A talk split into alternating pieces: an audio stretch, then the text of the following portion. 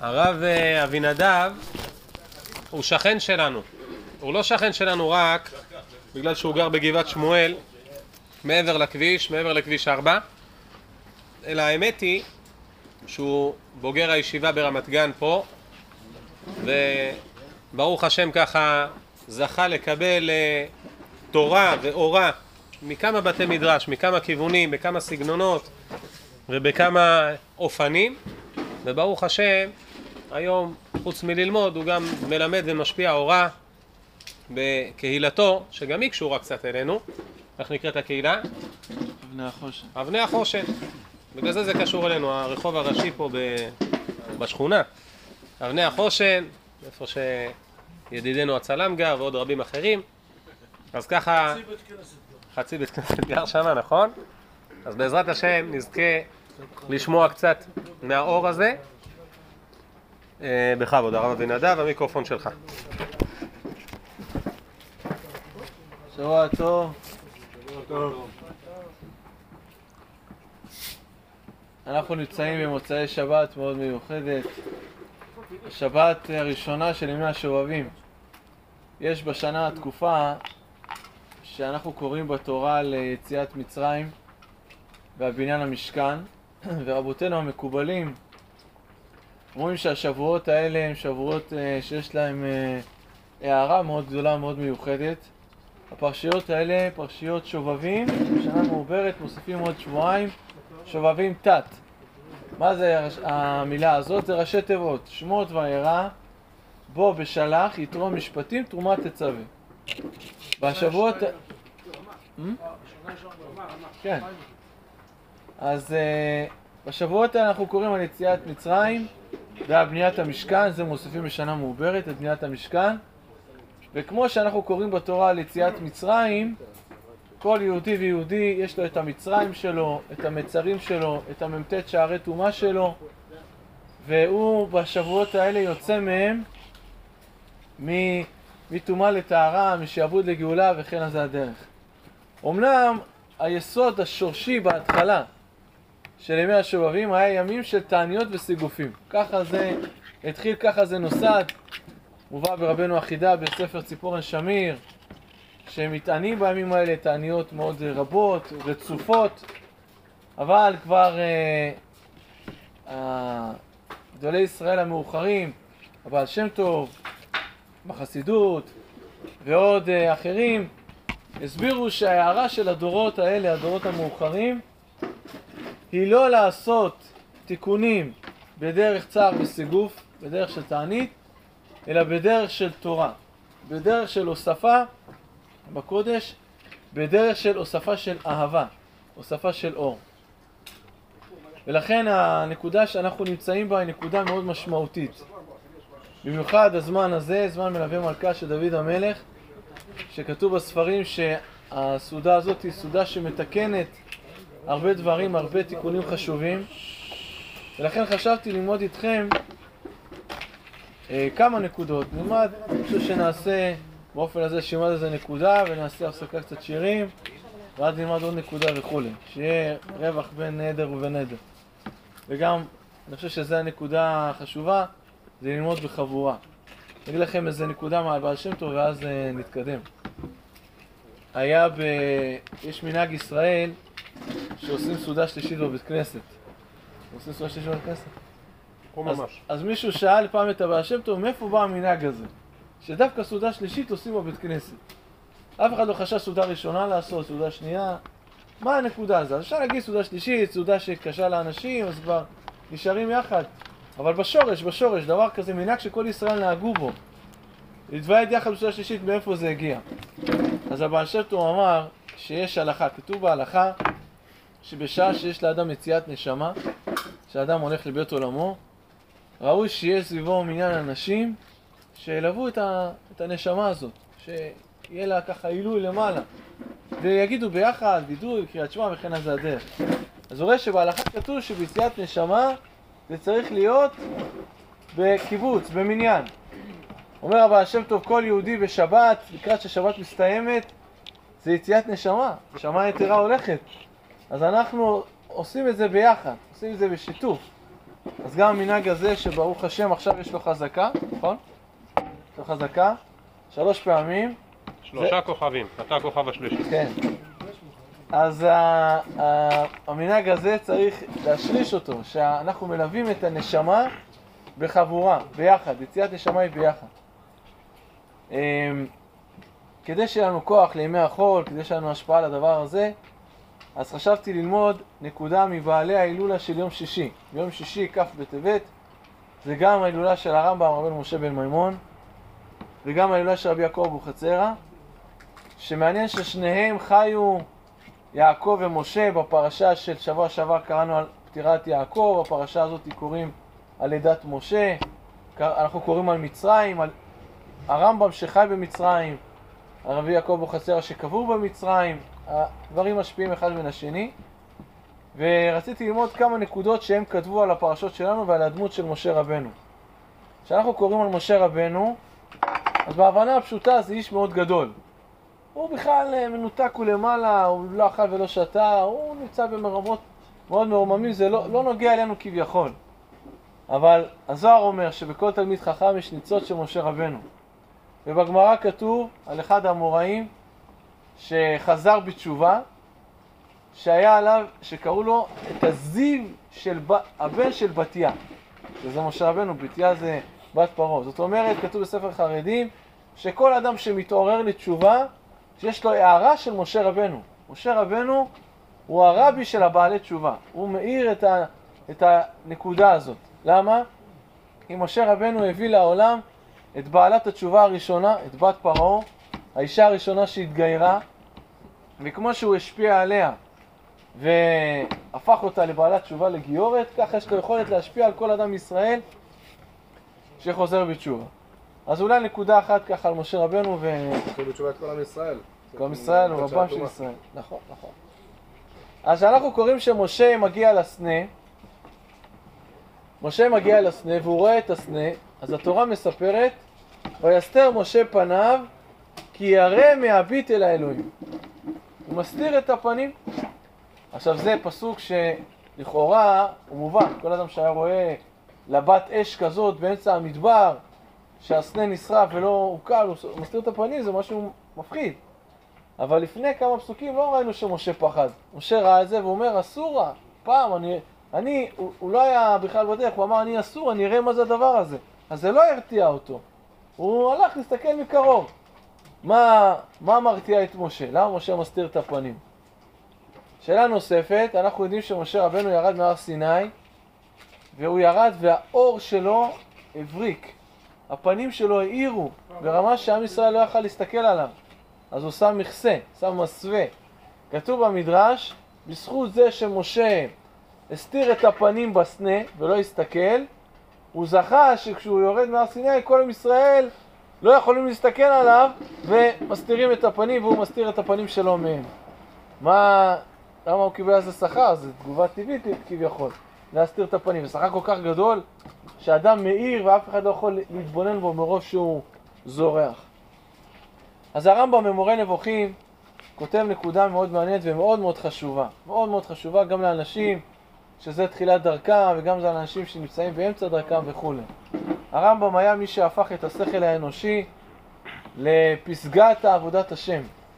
הנקודה של עבודת השם מבחינת הרמב"ם זה לדעת את השם, להכיר את השם, להתבונן בדרכים שלו, בהנהגות שלו, בהגדרות שלו, במה שאנחנו יכולים לתפוס. הרמב"ם לקח את השכל, שכל הטהור, כמו שנמצא אצל אריסטו, וקידש אותו והפך אותו לכלי יסודי בעבודת השם. אבל הרמב"ם אומר שאדם חושב שהוא אה, ייגש לעבודת השם עם השכל, רק עם השכל, הוא יכול להתבלבל, זה יכול להטעות אותו. אם הוא ישלח את השכל קדימה ראשון, השכל יטעה אותו. עכשיו למה הדבר דומה? אני לא יודע כמה אתם מכירים, אבל מי שנמצא ביחידה קרבית, יש גששים.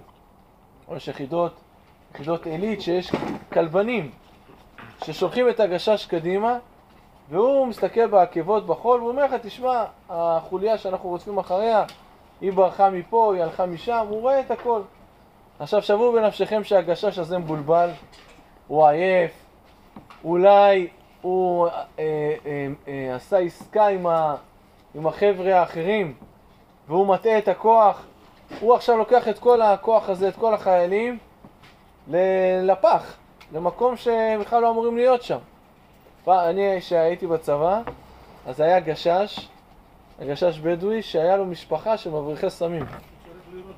אז הוא עשה איתם, הוא חצה את הקווים, הוא היה עושה איתם אה, דיל, והיו עוקפים את כל המקום, וכל הכוחות, לא, לא ראינו כלום, השטח נקי.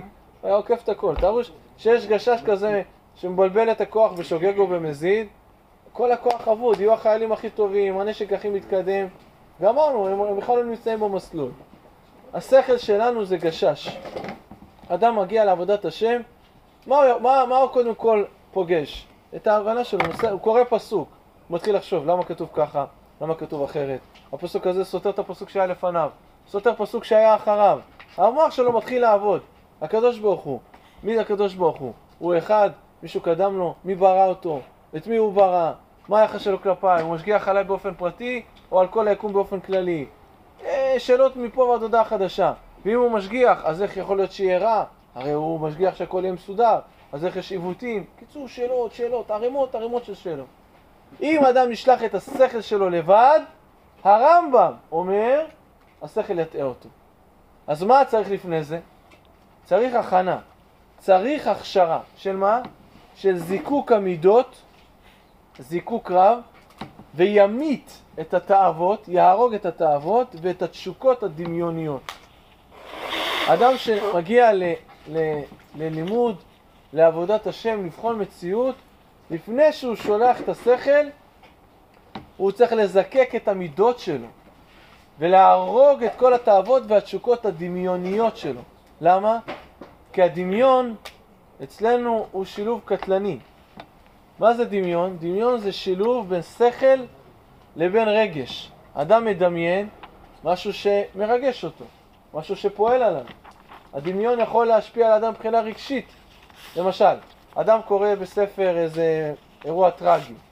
אז השכל הוא קורא את האירוע, הוא מבין מה קרה, זה קרה להוא, ההוא זה, הוא מבין את האירוע, זה השכל. למה פתאום הוא מזיל דמעה? הוא אומר לך, "וואי, אני חייב להפסיק, אני לא יכול להמשיך לקרוא את הספר, למה? כי הדמיון שלו מתחיל לעבוד. פתאום הוא מדמיין את האובדן, את הטרגדיה, ומה קרה להוא, ומה עשה זה. הדמיון, הוא מרגיש כאילו הוא נמצא בתוך האירוע. כאילו הוא מרגיש, כאילו הוא נמצא בפנים. זה הדמיון. אומר הרמב"ם, אם אתה תשלח את השכל והדמיון שלך מקולקל, אתה תגיע למקום עקום. אתה צריך לנקות את הדמיון, לנקות את התשוקות, לנקות את התאוות, כדי שהשכל יעבוד בצורה ישרה. מאיפה הוא למד את זה? ממשה רבנו. ויסתר משה פניו, כי ירא מהביט אל האלוהים.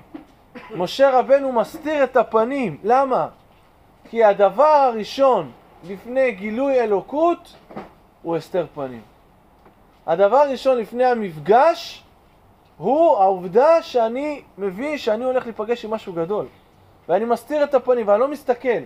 יש בי ענווה מאוד גדולה לדעת שאני נמצא מול משהו עצום והענווה הזאת היא דורשת ממני הכנה והכשרה והתמודדות מאוד מאוד חשובה לפני הדבר הגדול הזה.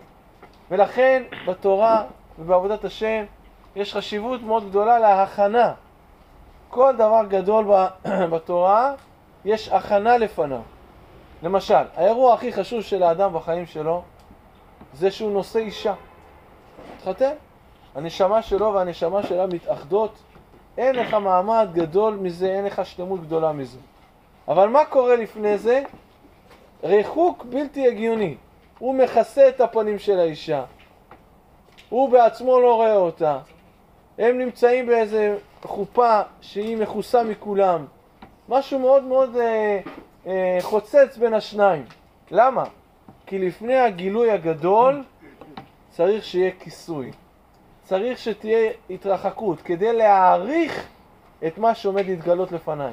לכן למשל יש מנהג שהרבה נוהגים שבשבוע לפני לא מתראים, לא רואים אחד את השני. למה? כדי להבין שאני עומד מול משהו גדול, אני קודם כל מסתיר את עצמי. אותו דבר למשל יש לנו בשבת.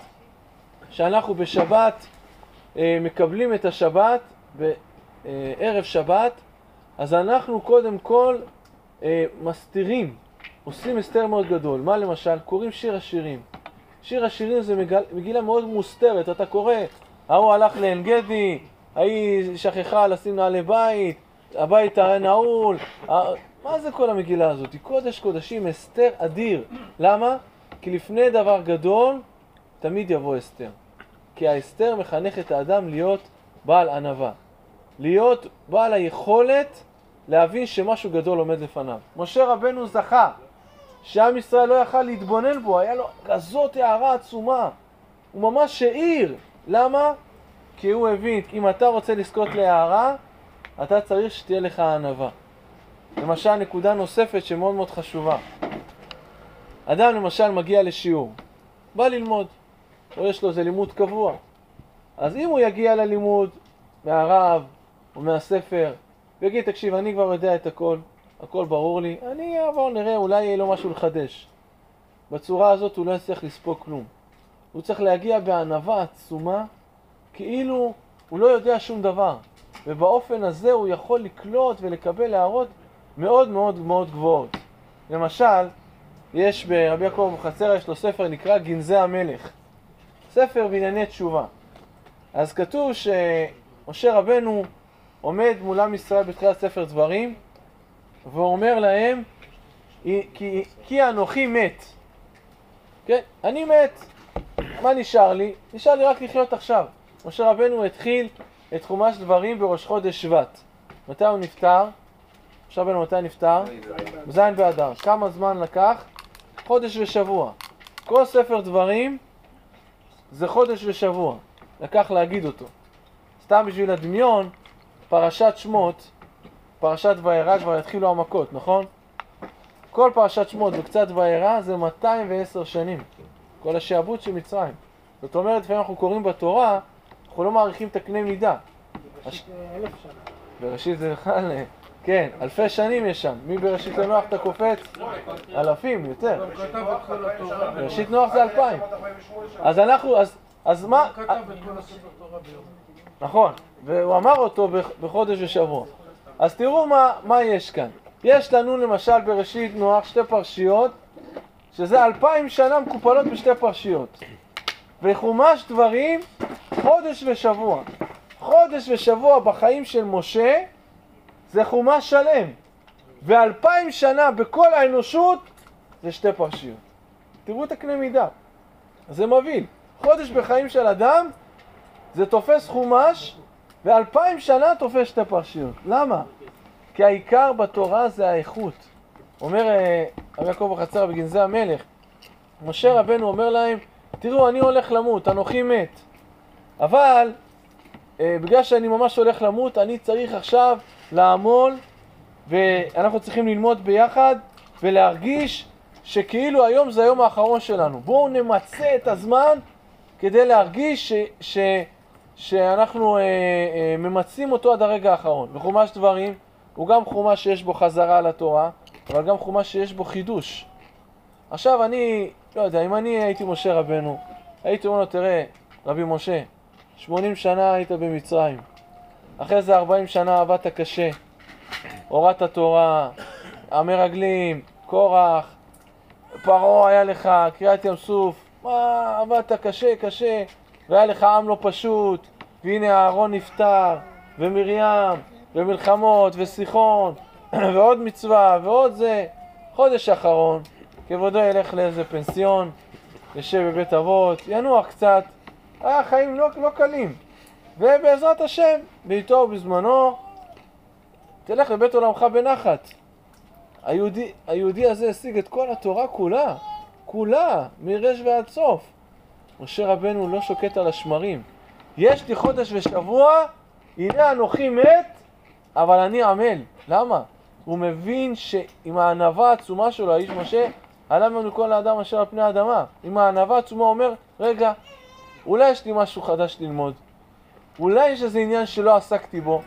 ובאמת כך היה. אם התורה הייתה נגמרת חומש במדבר, לא היה לנו מצוות המלך, לא היה לנו מצוות של מקדש. הרבה הרבה דברים לא היו לנו, יש אותם רק בחומש דברים. אבל העובדה שמשה היה עניו, אומר הרבי יעקב אבוחצירא, הביאה אותו לזה שהוא לעולם לא נח. וביום האחרון לחייו הוא אומר, או התורה מעידה עליו, לא קעתה עינו ולא נס לחו. זה אדם שכל רגע היה עמל וטורח להשיג את התורה. ולמה? ויסתר משה פניו. הכל מתחיל בסנה. הכל מתחיל בנקודה שמשה מבין שהוא עומד מול דבר גדול, מול דבר עצום. וההבנה הזאת היא הבנה ש... בהבנה שלנו היינו חושבים שזה ירתיע. כן? אדם למשל עומד, אומרים לו, תשמע, תלמד דף גמרא ביום. שבע וחצי שנים תסיים את כל הש"ס. הוא מסתכל, אומר, ריבון העולמים, אני אסיים את כל הדבר הזה? זה מדף שלם, זה שוטשטיין, זה שלושה מדפים, זה אלפי דפים. אלפי דפים. איך אני אגיע לדבר כזה? אז, אז uh, ההבנה הזאת, הענווה הזאת אומרת לאדם, תשמע, בגלל שזה דבר גדול, אתה יכול להתחיל בקטן. ויסתר משה פניו, אבל תתחיל. אבל אם אדם יגיד, בסדר, סיים את השעה, זה לא סיפור. אני אתחיל פה, אתחיל שם, יבוא באופן מזלזל, לעולם לא יסיים את הש"ס. לעולם לא תהיה לו ההשגה הזאת. לכן, מוריי ורבותיי, הנקודה הזאת שאיתה אנחנו פותחים, זה ההבנה שההתחלה של משה זאת ענווה כלפי, כלפי השם. להיות ענה ולהבין שהוא עומד מול דבר עצום, דבר גדול, ובזכות ההסתרה של הפנים שהוא הסתיר, הוא זכה, אה, כמו שכותב המורה נבוכים, להגיע להשגה שכלית שעין אנושית לא יכולה לראות. אולי נגיד עוד נקודה מרבי יעקב בחצרה ונעשה איזה שיר, ככה. יש ב... בספר מחשוף הלבן, רבי יעקב כותב, פרשת נוח הוא כותב, שעל הפסוק בקהלת, כתוב בקהלת פסוק מאוד מאוד מוכר ומאוד מאוד מוזר. כתוב, בכל עת יהיו בגדיך לבנים ושמן על ראשך לא יחסר. דמיינו לעצמכם אדם לובש בגדים לבנים והוא שם על הראש שלו כת של שמן, או שהוא שם על השיער שלו שמן. ג'ל. כן, אבל הג'ל הוא לא נוזל, השמן הוא נוזל. והוא שם גם על הזקן, אנחנו אומרים בתהילים, כשמן הטוב היורד על הראש יורד על הזקן, בסדר? עכשיו אדם שם שמן על הזקן ובגדים לבנים. מה הסיכוי שהבגדים יישארו נקיים? לא הרבה, נכון? לטפטף. איך אומר שלמה המלך? בכל עת יהיו בגדיך לבנים ושמן על ראשך לא יחסר. ולא יחסר. אז אומר רבי יעקב שזה אה, משל. מה? לבנים בגימטריה זה הענווה. השכל של האדם, הראש של האדם, היכולת האינטלקטואלית שלו, השמן, אנחנו מוצאי חנוכה, השמן, החוכמה, לא תחסר. יש שכל עצום וחוכמה רבה, אבל זה בתנאי שבגדיך לבנים. שתהיה לך ענווה. אם אדם אין לו ענווה שהוא עומד מול משהו גדול, השכל שלו לא יכול, לא יכול לתפוס. הוא לא יכול לפנות מקום להשם. נגיד משפט ונחתום את העניין הזה, אנחנו אומרים שיש עבירות שבין אדם למקום. העבירות שבין אדם לחברו. זאת אומרת, יש כביכול, הקדוש ברוך הוא נקרא מקום. המשנה אומרת באבות, ששניים שישבו ואכלו וסעדו, ולא היה ביניהם דברי תורה, הרי זה מושב לצים. אני לא הבנתי, הכיסא כתר הזה, זה יש אותו בחנות, יש כאלה מיליונים, מלא כיסאות כאלה. אם אני יושב עם חבר ולא עוסקים בתורה, זה נהיה מושב לצים. החפץ הזה נהיה מושב לצים. למה? כי האדם משפיע על המקום שלו, משפיע על הסביבה שלו. והמצוות שלנו הם בין אדם לחברו. מה הכוונה? לא אדם עם חברו, אלא בין אדם לחברו. יש בין אחד לשני, לכל אחד מאיתנו יש מרחב. שאני אוהב אותך, אני הולך צעד אחורה, יש יותר מקום בין אדם לחברו. יש יותר חלל פנוי, יש יותר מקום לקדוש ברוך הוא להיכנס. הגמרא אומרת שעל איש ואישה, שאם הם זכו שכינה ביניהם, שיש שם משל שהוא אומר שאני ואשתי בשלום, אנחנו יכולים לישון ביחד על חוד של סכין. אחד דק דק דק, ויש לנו מקום, לא צפוף. אבל אם יש בינינו מחלוקת, אפילו מיטה של 60 אמות ואין מקום. משפחה שיש בה הרבה כעס, הם גרים בפנטהאוס, שתי קומות, עשרה חדרים, והם מרגישים לחץ, אין מקום, לקח לי, עשה לי. כשיש אהבה, כשיש חיבור, כשאדם הולך צעד אחורה, אז הוא מפנה מקום לשכינה כמו משה, ומפנה מקום גם לחבר, לאדם השני, ממילא יש בזה הערה גדולה. הרב אבינדב כתב אה, ספר של דברי תורה קצרים, אני אוסיף ומקוריים על פרשת השבוע, נקרא דיבור המתחיל. מי שישים ידו על הספר ימצא בו פנינים רבות, נעימות, כתובות בחן. אני אומר לרב אבינדב, ככה מדי פעם הוא כותב כל מיני סיפורים, כל מיני דברים שקרו לו. אני אומר לו, הרב אבינדב, אני קורא אותך, אני קורא כמו שאני קורא את הרב סבטו. איזה סגנון כזה נעים, איזה משהו ככה מתחבר עם אה, אה, רוח אה, ישראלית ושל אה, מסורת ישראל סבא, ככה הכל שזור ויפה. אה, אז מי שישים אה, ידו על הספר, רק ירוויח. בכבוד הרב, עכשיו אחרי שהבכתי אותך קצת.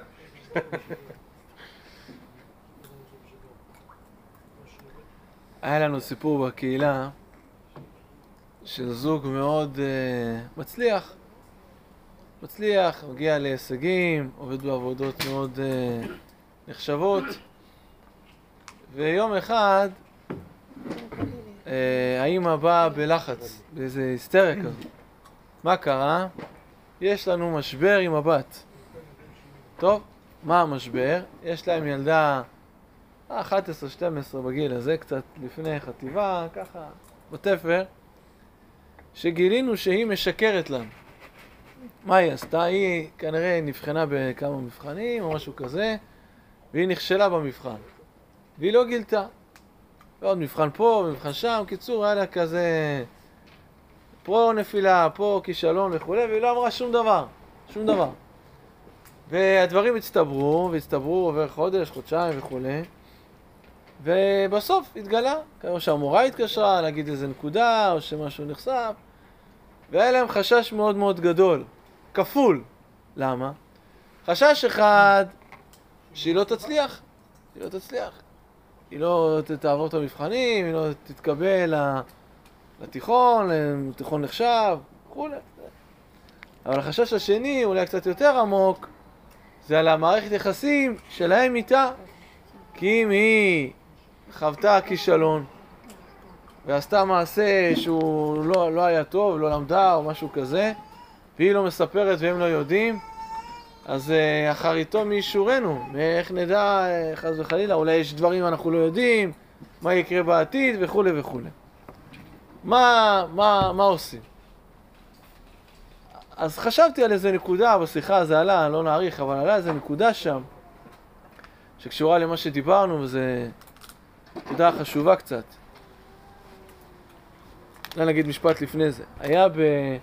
באמריקה רב שקראו לו הרב יצחק קוטנר. הוא היה, למד אצל הרב קוק זצ"ל ואצל עוד גדולים, ויש לו ספרים שנקראים פחד יצחק. על החגים וכולי. ויש לו פחד יצחק איגרות, מכתבים. אתה לימדת אותם את המכתב הזה? לא. זה מכתב שחייב לדעת, אסור שאדם יחיה בעולם הזה בלי להכיר את המכתב. אה? המכתב של שיעור א'. כן. צריך ל... אתה הבכת אותי, אני מביך אותך, יש לך חוב ללמד אותה. יש שם בחור ששולח מכתב לרב, לרב יצחק קוטנר. הוא אומר לו, אני לא מצליח, לא לומד, לא זה...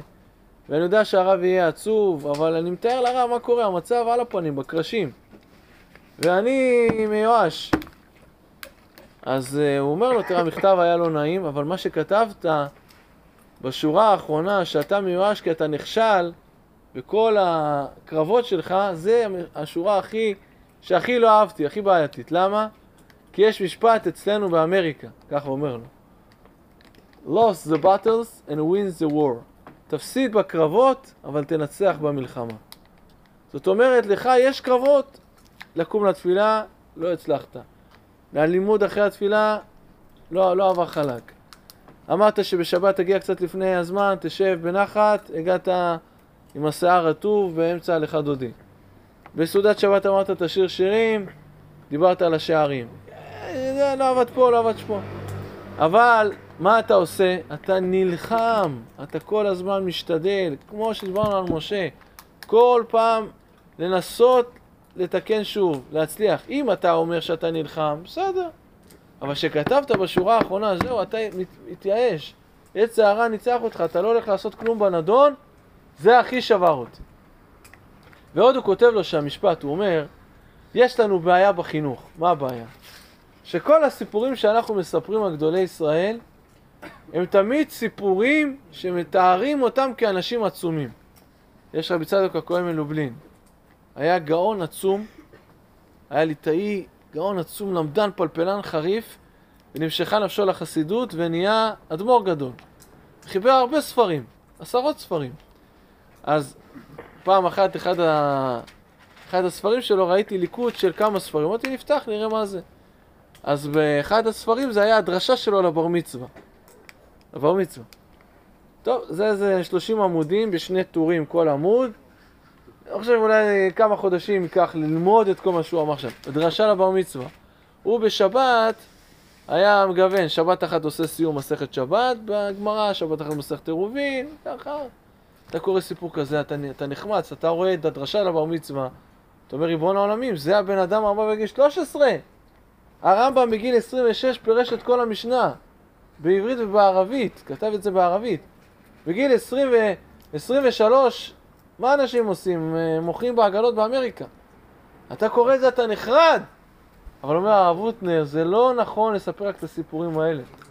צריך לספר את הסיפור על הרמב"ם כשהיה ילד ולא הלך לו. וצריך לספר את הסיפורים הגדולי ישראל שהיה להם מאוד קשה. את זה צריך לספר. והם נלחמו, והם הזיעו, והם שברו את הראש כדי להצליח. בחיים בכלל. שהתז, בעל תורי זהב, רבי דוד סגל, הייתה לו טלית. היה הרב של, של, של העיר והייתה לו טלית. שהוא הגיע לגיל מבוגר, גיל 70, משהו, הקהילה אמרה נעשה לו הפתעה יום הולדת, נקנה לו טלית חדשה. עם איזה עטרה מכסף, משהו, ניתן לו מכובד. הוא אמר, אני לא מחליף. הטעית הזאת תעיד עליי כמה דמעות, אני התאמצתי כדי לכוון בתפילה. ורבי נחמן מברסלב כותב, הוא אומר שאני בכיתי להתפלל בכוונה כמו מספר השערות שיש לי בטלית. זאת אומרת, זה לא בא להם ברגל, הוא לא בא, עמד, פתח סידור, והכל קלח לו כמו איזה נהר איתן. לא, הוא עבד מאוד קשה להשיג את הדבר הזה. עכשיו רגע נחזור לילדה עם המבחן בחשבון. אמרתי לאמא, תקשיבי, את מאוד uh, מוערכת, יש לך עבודה מאוד נחשבת, את מצליחה, יש לך כסף, ובעלך גם מאוד מצליח, והוא עושה דברים, לוקח תיקים גדולים, והוא מנצח בהם, ועושה הרבה דברים. וכשהילדים יושבים בבית, מה הם שומעים? שזה הצלחתי פה, זה אפילו לא, לא ברמה החומרית, אני לא מדבר על רמה חומרית, אלא על החוויות בחיים. שהצלחתי פה, וזה הלך לי, וזה ניסיתי והעסקתי, הכל הולך בקלות. אומרת הילדה, אבל אני, קשה לי. אז כשאני אדבר עם אבא ואימא, הם לא יבינו אותי. כי הם לא מבינים מה זה כישלון. אני מספר את זה לאימא, היא נקרעת מצחוק. לא יודע למה את צוחקת. היא אומרת לי, תקשיב, אני היום עובדת בעבודה שלא התקבלתי אליה. עשיתי השתדלות מאוד גדולה, ולא התקבלתי לחמש-שש עבודות לפני זה. ויש לי תואר באוניברסיטה, ואני לא הת... התאמצתי מאוד קשה, עברתי על המילימטר, הצלחתי להתקבל. כל החיים שלי נלחמתי להשיג הישגים. על מה אתה מדבר? מצליחה ומוצלחת, הכל הולך, אתה יודע איך אני עובדת קשה, וכל החיים שלי היה לי קשה, ועמלתי, ויש דברים שעברתי ברגע האחרון. אמרתי לה, יופי, והבת שלך, היא יודעת מזה? אף פעם לא סיפרתי לה. לא סיפרתי, מה, מה אני צריכה לספר לה? כאילו, חוויות שלי מה, מהנעורים. זה הנקודה. אם הבת שלך תראה, הנה אימא, לא הלך לך תמיד בחיים. היא עבדה מאוד קשה, היה לה לא פשוט, והיא התאמצה. זה מה שהבת תבין. כשהבת לא, לא תצליח, אז היא תגיד, בסדר, גם אמא לא הצליחה. והגיעה למה שהגיע. אמרתי לה, לאבא שם, אמרתי, היה לי פעם אחד, הוא אמר, הילדים שלי לא באים לבית כנסת בבוקר. לא, זה כבד להם, זה קשה להם.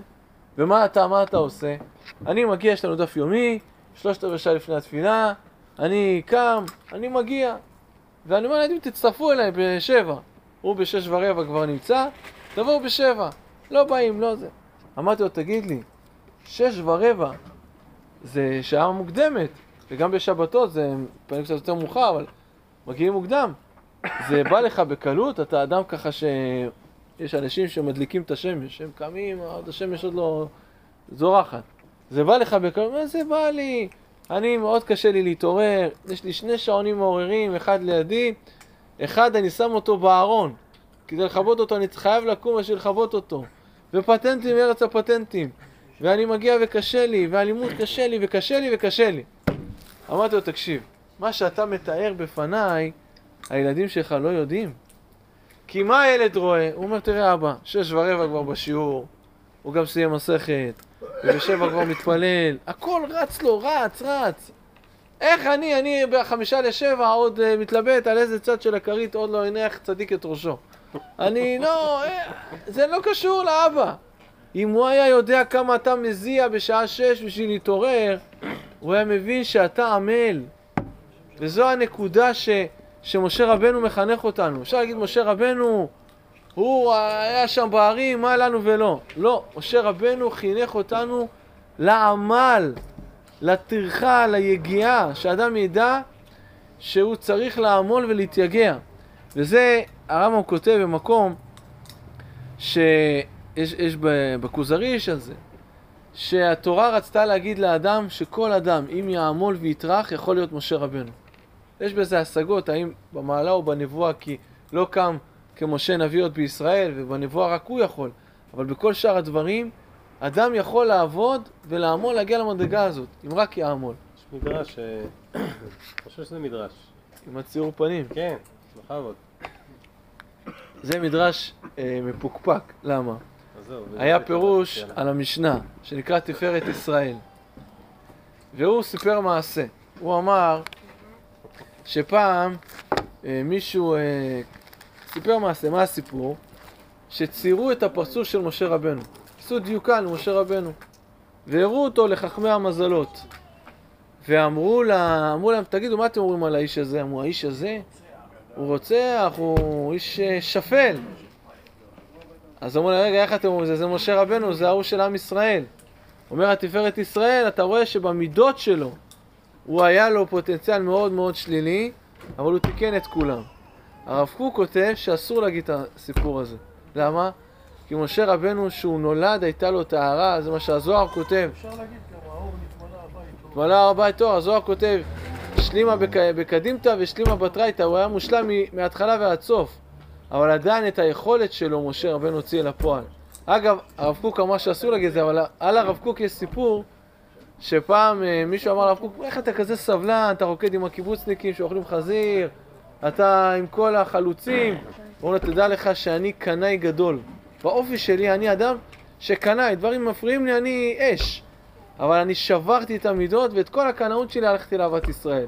לכן אני קיצוני. אני קיצוני בזה שאני מתון. אליהו הנביא עושה את זה כל הזמן. אליהו הנביא זה הנקודה שלו. אבל העמל הוא חשוב. הוא בא לכל ברית. כן, העמל הוא חשוב, הוא בא... הוא מובא לכל ברית.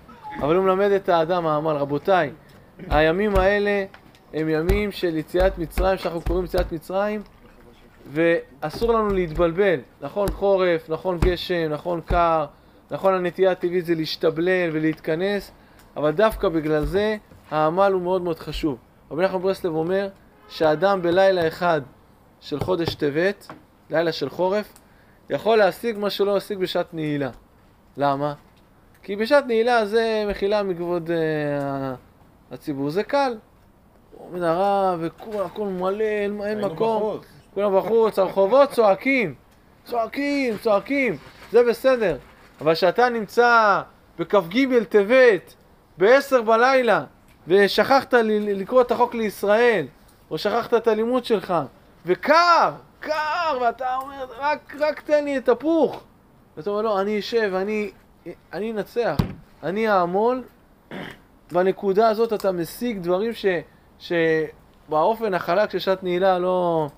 אתה בכלל לא, לא, לא היית קרוב אליהם. אז uh, מה שאנחנו לומדים עכשיו זה רק לחזק אותנו לקראת העמל, העמל של השבוע הקרוב ושל השבועות הבאים. אולי נגיד עוד נקודה ונעשה עוד איזה ניגון. Uh, איך אדם יקבל כוחות? Uh, איך אדם יקבל uh, עוצמה כזאת. אז זה למדנו ממשה רבנו.